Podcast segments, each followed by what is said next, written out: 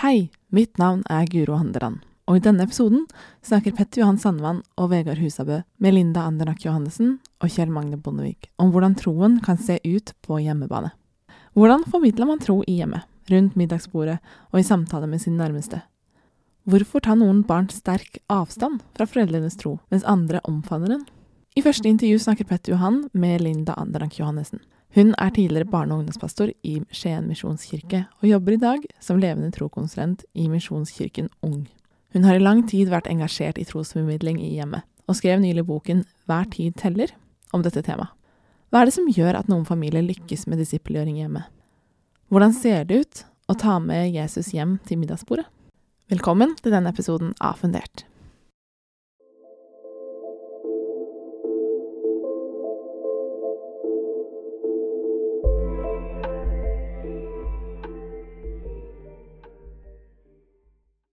Hei, Linda. Hei. Jeg har lyst til å starte med, med å spørre deg litt om din trosreise. Um, hva, hva har på en måte vært dine hovedpunkter når det kommer til si, hvorfor er du kristen i dag? Ja, ikke sant. Uh, det har jeg tenkt litt på. Uh, og jeg tror, eller jeg vet, at det hjemmet jeg hadde som barn, var viktig. Jeg har opplevd som ungdom å ha stor frihet i å velge sjøl. Eh, vokste opp eh, i en pastorfamilie, og der snakka vi ganske mye sammen om tro og spørsmål og sånn. Jeg hadde masse folk på besøk som følge av det, at mor og faren min hadde da besøk Mm. fra andre pastorer osv. Så, så jeg hørte mange historier. Jeg tror det hadde stor innvirkning. Eh, også ikke minst vennemiljøet mitt da jeg var ungdom. Jeg var heldig å være en del av et stort ungdomsmiljø som var eh, raust, og som var mye humor i, og mye musikk og mye gøy. Eh, det betydde mye. Og leiropplevelser. Mm. Og så var det andre ledere som gikk foran som et godt eksempel, osv. Men eh, jeg regner med at du kanskje har studert litt. Um, var det noe spesielt i den perioden som du vil se på som viktig for at du har beholdt troen din? Ja, jeg studerte i Kristiansand, eh, og der gikk jeg i en menighet som eh, Det var naturlig for meg da å oppsøke den menigheten, for det første. For der kjente jeg noen fra leirene jeg hadde vært på tidligere. Mm. Og det er når, du er ny i en by og sånn, skal begynne å finne ut hvem skal jeg henge med, eh, så var det naturlig for meg å oppsøke de jeg da kjente fra leire, fordi de var på en måte potensielle venner, da. Eh, og de blei venner. Eh, så, så det miljøet rundt det, pluss at han pastoren der jeg kommer, han, Uansett hva han preka om, så, så endte han alltid opp i at det er hjerteforholdet ditt til Jesus som er det vesentlige. Jeg husker han sa nesten hver eneste tale. Og det, det satsa dypt meg. Pluss at jeg gjennom der, eller gjennom tida i Kristiansand, kom i kontakt med Kings Kids i Ungdom i oppdrag. Mm.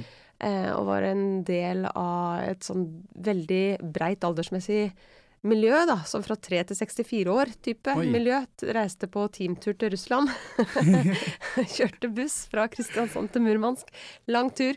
Eh, men det arbeidet rundt det, da, det Mm. fikk stor betydning for meg. Og, og det å se andre voksne enn de jeg var vant til fra jeg var hjemmefra, da. Eh, andre måter, andre Ja, som på en måte adda på det jeg hadde fra før. Mm. Så det fikk stor betydning. Og så var jeg selvfølgelig også en del av studentmiljøet, som ikke nødvendigvis var kristent, og det også var viktig. Og det å treffe andre folk med andre Jeg kjente jo folk hjemmefra i Skien også, selvfølgelig, men da ble det mer i kontakt med det på en annen måte, da, Mm, mm. som ung voksen. Og det, men, men jeg kjente meg mest hjemme i det kristne. Jeg gjorde det. Ja. Så jeg var mer med dem, da. Ja, em, i, I boken din så refererer du til en artikkel som heter Ung, 'Unges erfaringer med tro', som NLA publiserte i 2013. Der står det noe om at det som påvirker ungdom mest, eh, mer enn kanskje hjem, er miljø og venner. Em, hvordan ser det ut i forhold til når man snakker om at vi må bringe tro hjem? Jeg tenker at grunnlaget legges veldig i hjemmet. Eh, og det man lærer som barn, det vet vi også med verdier for øvrig og sånt. Det, det, sitter, det er på en måte veldig sånn viktig grunnlag å få på plass. Eh, så derfor er hjemmet viktig. Mm. Så det man lærer der, det lærer man på en måte. Men så sier forskningen det da at eh, hvis en ungdom endrer såkalt religiøs identitet, eh, så skjer det oftest som følge av venn- vennemiljø. Og det syns jeg ikke er så veldig overraskende, egentlig. For eh, som ungdom er på jakt etter sin egen identitet, hvem er jeg i her store bildet, så vil man gjerne ligne de man ønsker å være sånn. Ikke sant? Det blir en sånn greie. Og da, hvis, hvis man føler seg mest hjemme da, blant folk som ikke tror, så kan det være at man strekker seg den veien, Og så er det mange faktorer som spiller inn, så klart. Men jeg ser tydelig det der at det er klart vennemiljø har masse å si. Ikke minst når du har tenåringer, da. Så, så når du håper, refererer til at det er viktig å, å bringe tro hjemme, så er det kanskje der man føler seg hjemme? Jeg tenker at det, Når jeg skriver om hjemmet, så mener jeg det fysiske hjemmet hvor man faktisk bor. Eh, men fra barna er lite, da, så tenker jeg at det er viktig at det får et sunt forhold til Gud.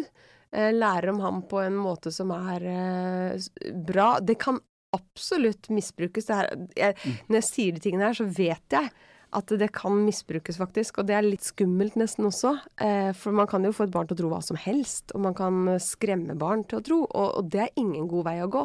Men, men, det der med å gi barn en grunnleggende trygghet om at det er skapt av Gud, han elsker dem, og Jesus vil være deres venn for alltid. Det å gi barnet den grunnleggende opplevelsen av det, at det er et godt sted å være hos han. Mm. Eh, og i tillegg til det gi de gode erfaringer med det å ha en god rytme i livet. Med at du ber sammen, vi kan lese om Jesus i Bibelen, eller om bøker om han osv. Snakke om tro på en naturlig måte. Det er eh, en investering i den ungdomstida som kommer, da. Eh, og forhåpentligvis så har da troa eh, fått noen røtter som gjør at de tåler eh, også andre typer inputs når de blir større. Og parallelt med at hjemmet bør styrkes til å få på plass de her tingene, så tenker jeg òg at kirka må tenke at eh, vi skal lage et godt ungdomsmiljø, og det starter vi med når de er knøtta små. Mm. Sånn at vi tar steg for steg fra de er bitte små til å ha f.eks. babytrall, da, eller småbarnssang, eller grupper hvor barna er sammen. Så de blir kjent og blir venner. fordi at å putte to fjortiser sammen, og så, nå skal dere bli bestiser, liksom, det funker oftest ganske dårlig. Men hvis de er venner fra før og liksom er trygge på hverandre, så er det mye lett lettere for de å, å også få en ungdomsgjeng rundt det, da. Og så tenker jeg at når de er trygge på hverandre, så er det også lettere å åpne seg opp for flere. Eh, sånn at ungdomsmiljøet kan bli enda større. Mm. 19.3 i 2018 så skrev du et innlegg i Verdidebatt, eh, hvor hovedkallet du snakket om var at vi må handle nå, for at vi skal kunne se barn og unge eh, som er kristne i dag, også være det når de blir voksne. Eh, hvilke grep er det du Altså du, du snakker om en del grep. Hvilke konkrete grep er det du har tatt i din menighet, men også ditt hjem for å se mm. dette? Grep i menigheten. Når jeg jobba der, så tenkte jeg at ok, de fleste kristne foreldre ønsker at barna deres skal bli kjent med Jesus. Eh, og så er det veldig mange som eh, sier de vil det, men så vet man ikke helt hvordan gjør jeg det, da. Eh, og da har vi rett og slett helt konkret laga samlinger som handler om å f.eks. lære seg å be med ungene sine. Det høres veldig merkelig ut kanskje, men greia er at det er veldig fint å snakke om ikke snakke bønn med, ned, men å legge lista lav. For at det å be, det handler om rett og slett å bare dele sine egne tanker med Gud, på en måte. Mm. Og la han dele sine tanker med meg. Eh, og gjøre det med barna sine. Og få bort det her åndelige blygselen som kanskje fins blant mange. Jeg tenker at når folk får både en bevissthet om hvor viktig de er, og en kompetanse på hvordan de kan gjøre forskjellige ting, så blir tryggheten større for å faktisk gjøre det. Så det er det vi har jobba med. da, Bevisstgjort folka våre på at vet du hva, du er så viktig. Det du gjør hjemme, det betyr all verden, det. Det er flott med søndagsskole og flott med alt greier i kirka, men det er faktisk hjemme vi er mest. Og pluss at relasjonen foreldre-barn er den sterkeste når barna er små. Det er ikke den til søndagsskolelæreren, selv om søndagsskolelæreren er veldig viktig. Som den ekstra stemmen inn. Mm. Så sånn i kirka så har vi lagt opp sånn helt konkrete samlinger i forskjellige alderstrinn. I tillegg til at vi ønska da å bevisstgjøre de andre voksne i menigheten på at dere kan være den andre stemmen ekstra innenfor foreldrene.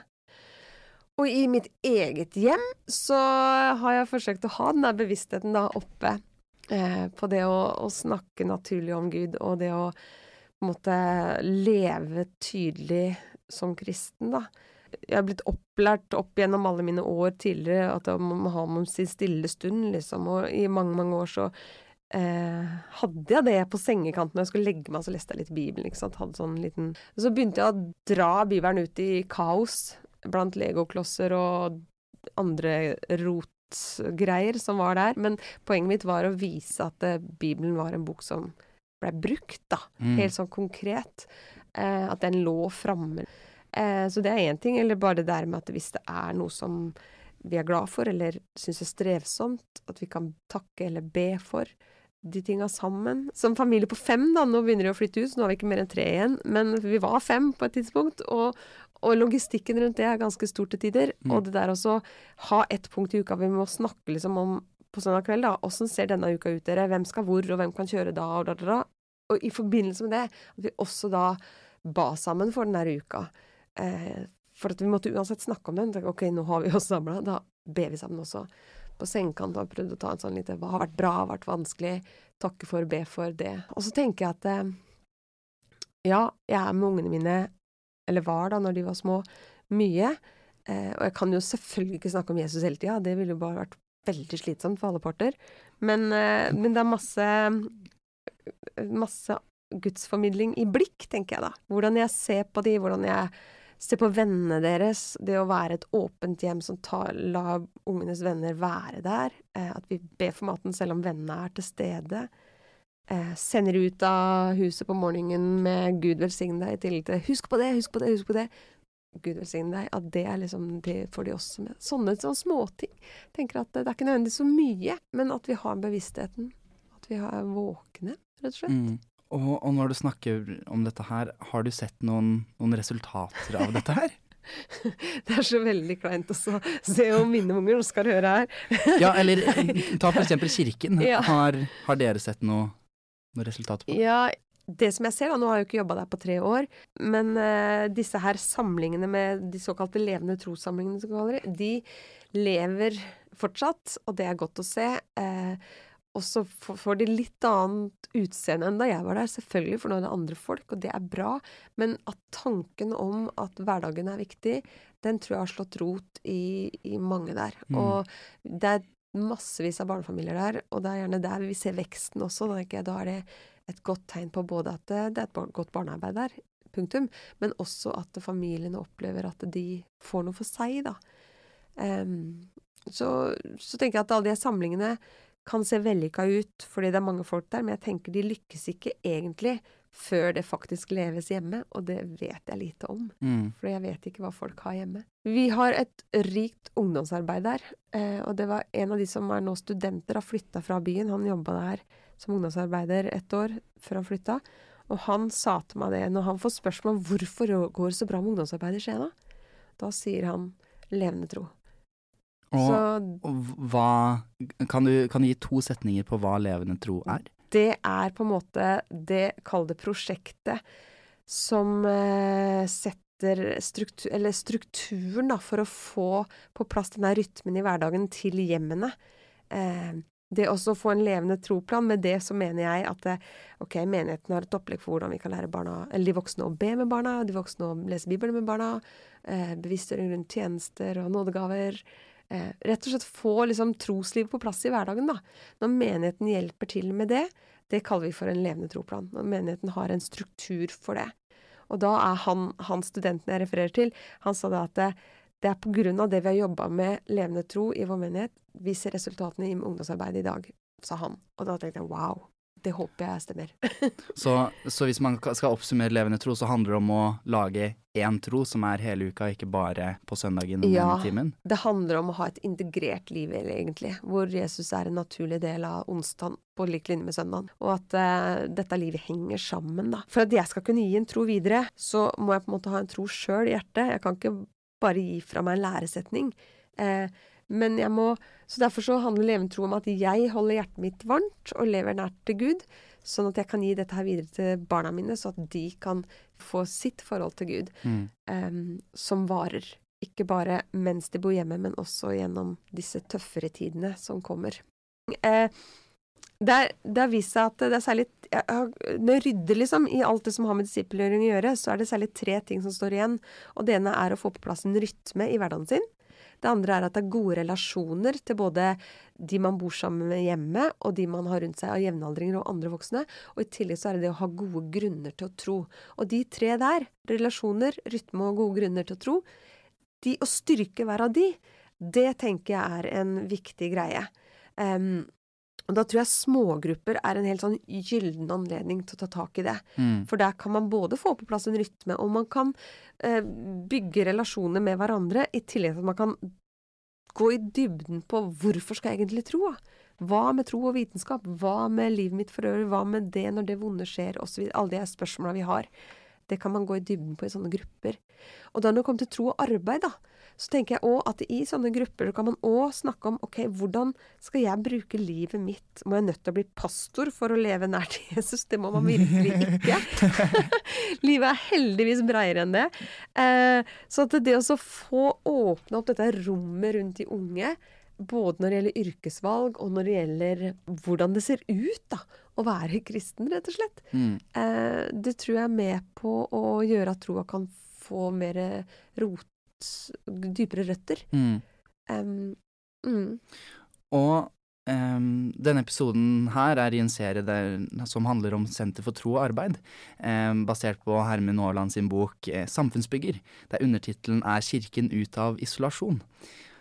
Har du noen tanker om eh, hvordan du ser for deg at Kirken kan komme ut av isolasjon? Mm.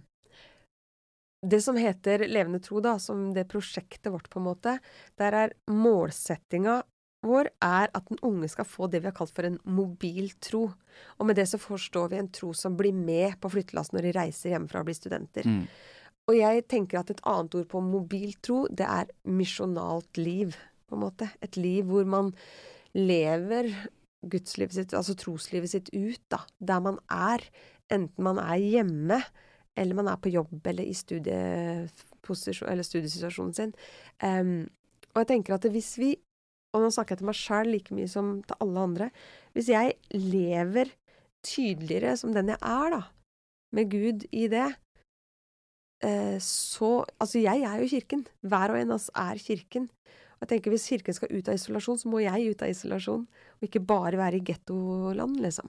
Eh, så hvis jeg lever dette misjonale livet, ber naboen på middag, er på festen på jobben, er der livet leves, liksom, som den jeg er med Jesus på innsida, som pipler ut fordi jeg lever nær til han, da tenker jeg kirka kommer ut av isolasjon. Mm. For jeg tror at eh, ja, i det øyeblikket vi er i dialog med andre mennesker, og i relasjon med andre mennesker, da kommer vi i dialog med andre mennesker. Og da snakker vi om det som betyr noe krist, altså alt, ikke bare kristentro, men det også. Eh, og da, da, vil Som kristne så kan vi ikke unngå å snakke om Gud, som er så viktig for oss.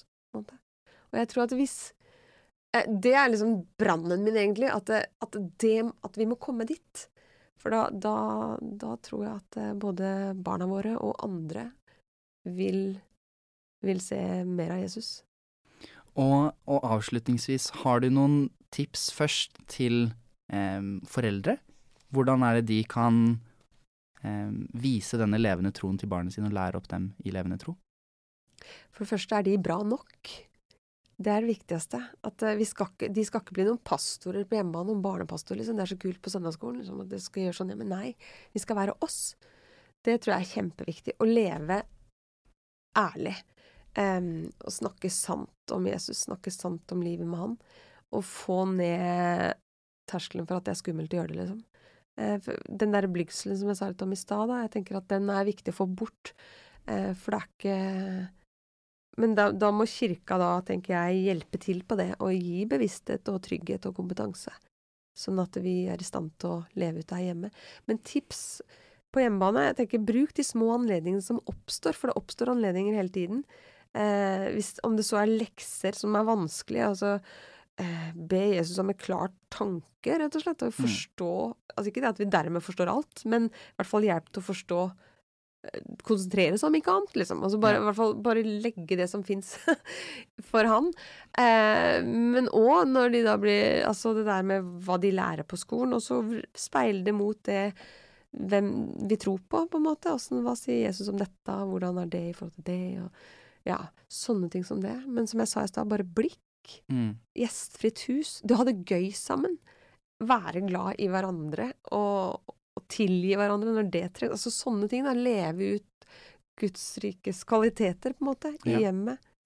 Da tenker jeg da reflekterer vi noe av hvem Gud er. Og at vi da har frimodighet til å sette ord på at Jesus er her. Så kanskje da blir ungene kjent med han. At de blir vant til å holde, venne seg til å venne seg til Gud, på en måte. Mm, mm. Mm. Og um, bare for å legge til det, jeg husker du skrev i boka di at 90% av de som har har Gud som en naturlig del av, av hjemmet, Mm. eh, vil beholde han i på en måte når de, de også selv blir voksne. Ikke sant? Eh, for det, det er jo Det er mange som vokser opp i kristne hjem som velger Jesus bort når de blir voksne. Men blant dem som har holdt fast i han, da, så sier faktisk mer enn 90% at de så en levende tro i sitt barndomshjem. Tenker Der ligger mye av løsningen, rett og Mm. slett. For eh, vi vil jo ikke at 70% av de som går i kirken i dag, skal bli borte når de blir voksne. Det er jo helt Det er jo krise. forferdelige tall, egentlig. Det er jo verdens dårligste markedsføringsprosjekt, liksom. og så og tenker jeg at eh, Gud er verdt mer enn som så. Mm. Eh, og jeg tenker at de som ser hvem han er, de vil jo ikke gi slipp på han. Tenker jeg. Nei. Derfor må vi vise han. Ja, og, og til kanskje min generasjon, som er i, er i spennet mellom bo hjemme og flytte ut og begynne å studere, er det noen tips and tricks for hvordan man beholder troen i den perioden her? Eh, først til de voksne, da. Og, og din foreldregenerasjon først. Si noe til de. Fordi at det, det viktigste jeg som mamma nå, som mine utflytta barn eh, kan se på, er at jeg fortsatt holder hjertet mitt varmt. At jeg fortsatt lar meg engasjere med det jeg gjorde før. Fordi at eh, hvis jeg plutselig nå hopper helt på gjerdet og ikke toucher inn i det hele tatt, men lar liksom kirka seile sin egen sjø, og plutselig så er det ikke så viktig med å lese Bibelen og, osv. så videre, sånne ting, da. Da kan jo den unge voksne tenke at å ja, det var visst bare for å få meg gjennom et eller annet system her. Det var ikke så viktig for hun egentlig. Men hvis jeg fortsatt hadde hjertevern, så kan de kanskje forstå at det, Øy, det betyr visst noe for henne. Mm. Um, så det er den siden av saken. Men som for den unge, så tenker jeg Still spørsmål, grav dypere. Ikke vær redd for og kritisk tenkning, tenker jeg da. For Gud er sannhet, og da tåler han den støyten. Um, jeg husker en gang så tenkte jeg på som det der, og jeg, jeg hadde så mange spørsmål, da. Um, og jeg tenkte Gud, hvis jeg, det er som jeg spikker på en pinne, og du er den pinnen, og det blir bare fliser igjen her. Det blir jo ingenting igjen hvis jeg skal fortsette sånn som det er. Eh, og det var som Gud sa til meg, du kan bare spikke. Spikk i vei. Tror du ikke jeg tåler det? Jeg har blitt drept og blitt levende igjen. Når du spikker med pinnen, så kommer det her til å oppstå på den andre siden som et tre med nye skudd, var liksom den tanken jeg fikk. Da tenker jeg, det er noe av greia her. Um, vi kan stille spørsmål, så tenker jeg søk et godt fellesskap, det er viktig. Andre kristne. Vær ute blant folk, selvfølgelig, men ha også et kristent fellesskap hvor du kan spikke sammen, da. og, og gå drille dypere i hvem Jesus er, og bli kjent med Søk han i alle livets områder. Og uansett hva vi gjør og tenker, så er vi allikevel velkomne inn til Jesus, uansett hva.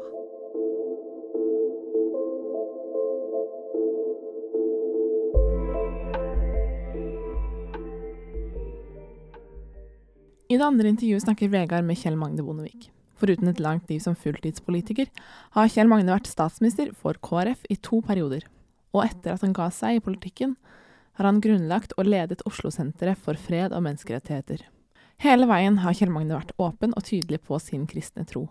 Vi lurer på hvordan dette troslivet har sett ut bak kulissene.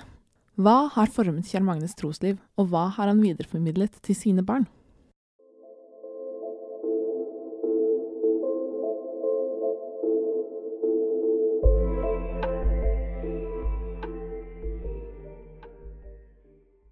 Du har jo i ganske mange år, Kjell Magne, stått i eh, offentligheten med troen din. Har det noen gang eh, vært en utfordring? Det har vært utfordring på den måten at jeg måtte prøve å leve opp til eh, min tro, både i det jeg sa og det jeg gjorde, fordi at jeg visste jeg hadde et veldig fokus på meg. På den annen side så har jeg opplevd stor grad av respekt for min tro, fordi at jeg har en tro, og hadde jo også den fordelen kanskje at når du tilhørte KrF, så regna de aller fleste med at du sto for et kristent livssyn.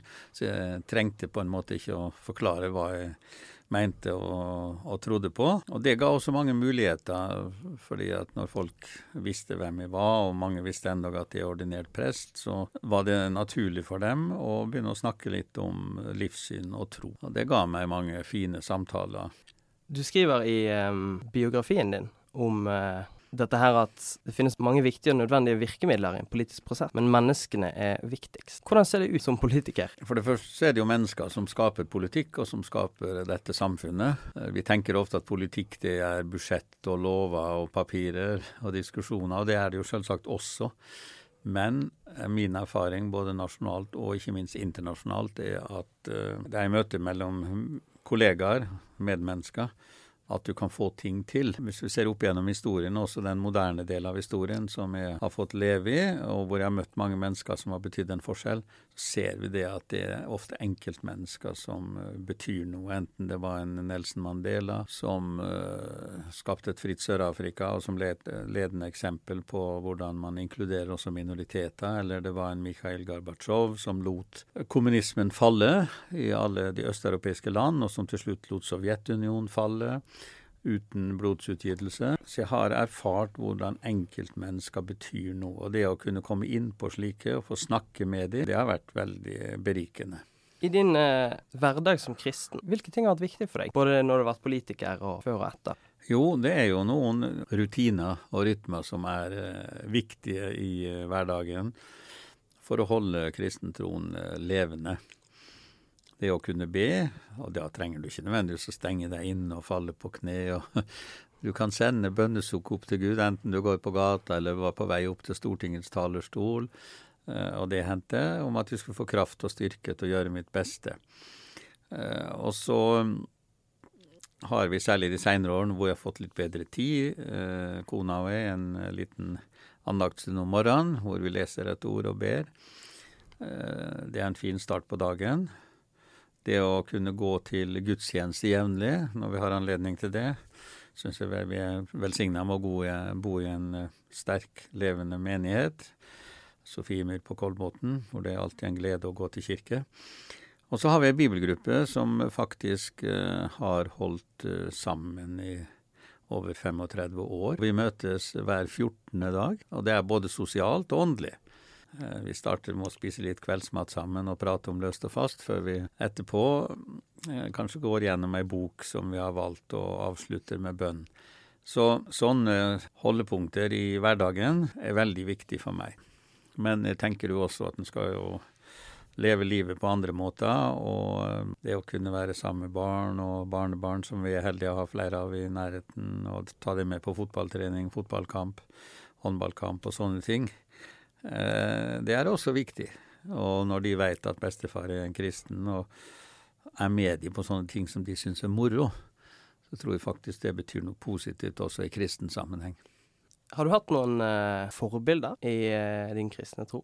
Ja, det har jeg jo. Først og fremst mine foreldre, uh, som eh, jeg fikk vokse opp med, som var avgjorte kristne. Jeg syns kanskje av og til litt for avgjort, eh, så jeg hadde behov for å bryte ut av miljøet et, et par år. Men de var jo veldig fine på den måten at de hadde også noen av disse rutinene i hverdagen.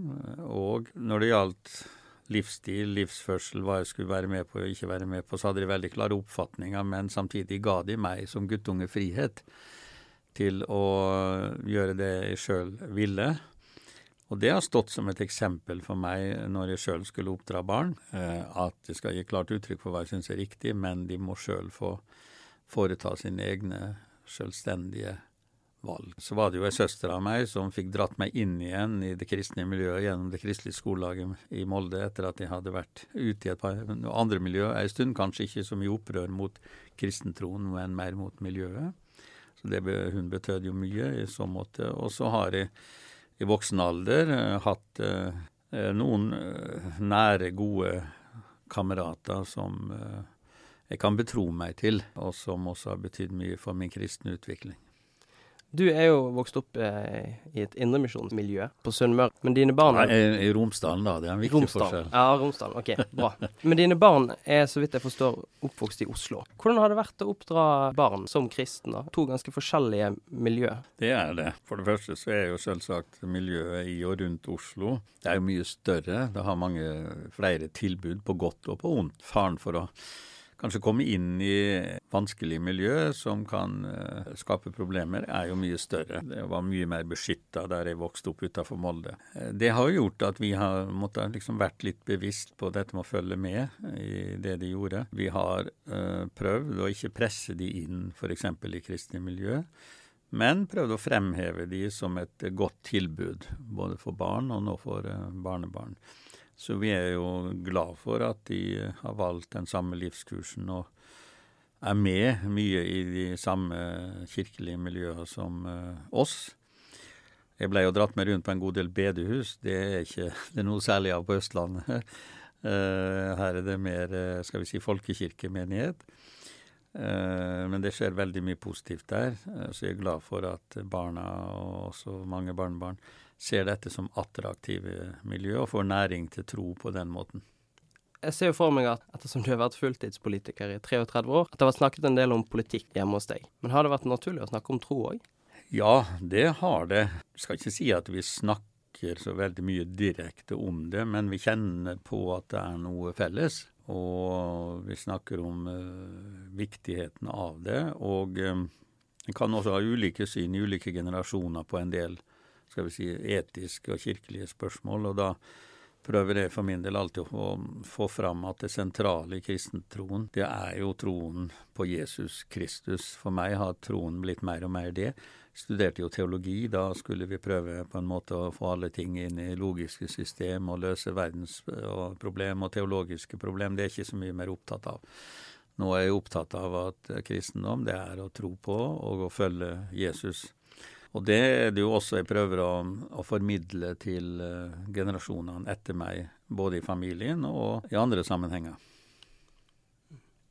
Du eh, skriver i biografien din om at privatliv og jobb er mye ett for dine foreldre. Hvordan opplever du sjøl har klart å balansere det? ja, jeg var vel ikke så god på det heller. Altså, Min far var jo folkehøyskolerektor. Jeg bodde på skolen, jobba seint og tidlig, hadde kontor i rektorboligen de første åra, husker jeg. Så han hadde bokstavelig talt jobben hjemme og satt utover kveldene. og Skulle vi få være sammen, så måtte vi flytte inn på kontoret og sitte der. Og det gjorde vi en del. Da jeg sjøl ble heltidspolitiker, så gikk jo også jobb og privatliv veldig mye over i hverandre. For det var veldig tidkrevende, særlig når jeg ble partileder og statsråd og statsminister. Jeg var nok heller ikke flink til å skjelne mellom de ting, men jeg prøvde veldig bevisst etter hvert å skaffe noen uh, rom for privatliv. F.eks. Bibelgruppa holdt de veldig fast ved, og satt fikk kontoret, statsministerens kontor til å sette opp i kalenderen at da var jeg opptatt. Det gjelder jo også mine sportslige og særlig fotballinteresser. Jeg er jo med i et par grupper som fortsatt spiller innendørsfotball, og det satte de også av i kalenderen. Og hvis det var ting med familien og uh, menighetsvikene og sånne ting, så så var jeg også nøye på å få det inn i kalenderen. Så jeg tror jeg ble mer bevisst etter hvert viktigheten av å skaffe rom for noe eh, privatliv. Opplever du at i dagens samfunn mer naturlig å snakke om tro? Enn det var når du vokste opp? Ja, jeg har egentlig inntrykk av det. Det kan skyldes flere ting, men jeg tror bl.a. det henger sammen med at vi har jo fått økt innvandring av mennesker med en annen tro. Ikke minst av en god del muslimer. Og de er jo veldig ofte åpne, frimodige om sin tro. Jeg har jo også opplevd internasjonale ledere som er det mer enn jeg som kristen, og muslimske ledere som f.eks. For uh, forlangte en avbrekk i møter og konferanser for å dra til sitt hotellrom å be midt på dagen. På en måte har den utfordringen fra en annen kultur og tro. Uh, betydd noe positivt. Merker det også i mediene. De, de har, står ofte mer fram med sin tro og i samtalen med andre. Og Det gjør at kanskje også kristne etter hvert kommer mer på banen og våger å si hva de tror på, eh, hvem de tror på. Og det syns jeg er noe fint. Målet må jo være det vi ofte kaller et åpent religionssamfunn.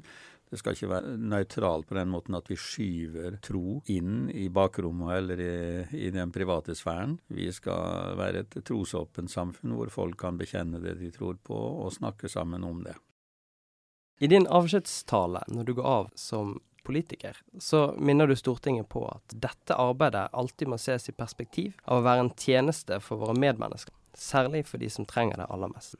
Til mennesker som i dag enten står i politikken eller på annen måte bidrar i samfunnet. Hvordan ser det ut å stå i tjeneste for sine medmennesker? Nei, hele mitt uh, lederideal er jo et tjenende lederskap. Fordi at det er lett å tro for en som har havna i en høy posisjon, at her sitter de nå, så nå kan jeg herske, for, si, for ikke å si herse med andre. Det er dårlig lederskap. Fordi en leder har ikke havna i en lederposisjon for sin egen skyld, men for å tjene en sak, en organisasjon, et samfunn, altså mennesker. Vi må se det enkeltmennesket bak alle disse grupperingene.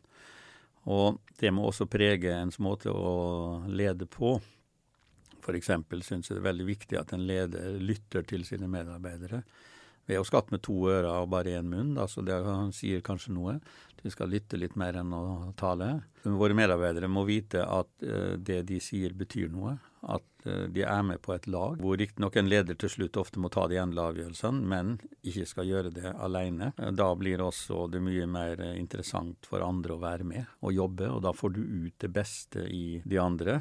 Og så er det viktig at ledere også i det de bestemmer og gjør, tenker at dette berører enkeltmennesker. Det var veldig nærliggende som politiker å, å tenke og snakke om grupper hele tida. Altså, vi snakka om de eldre, vi skulle drive god eldrepolitikk, og vi snakka om de funksjonshemma, vi skulle gjøre det bedre for dem, eh, for barna osv. Men jeg har aldri hørt om ei gruppe som har tanker og følelser og håp. Det er det bare enkeltmennesker som har.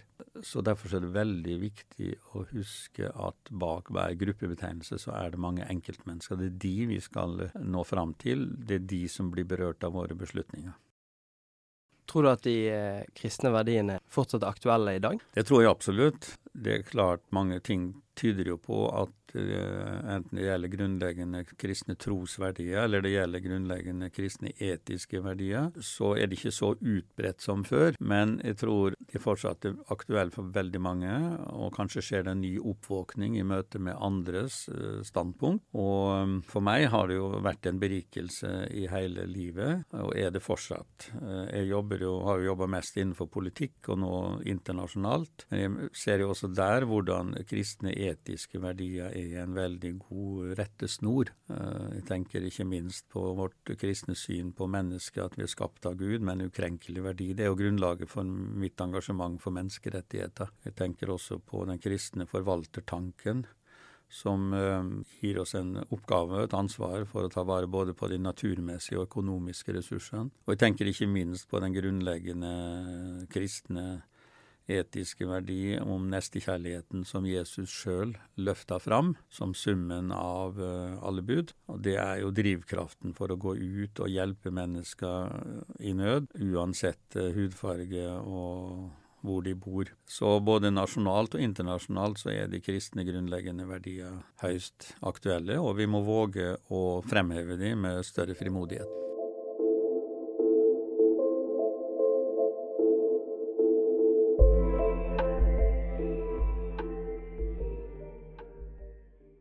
Takk for at du lyttet til denne episoden av Fundert. Du kan takke Linda Andernak Johannessen og Kjell Magne Bondevik for at den ble til. Og Vegard Husabø, Petter Johan Sandvann, Steffen Silseth og meg, Guro Handeland. Neste episode vil vi snakke om fremtiden. Følg oss på sosiale medier, Skaperkraft og Skaperkraftsenter for tro og arbeid. Vi snakkes!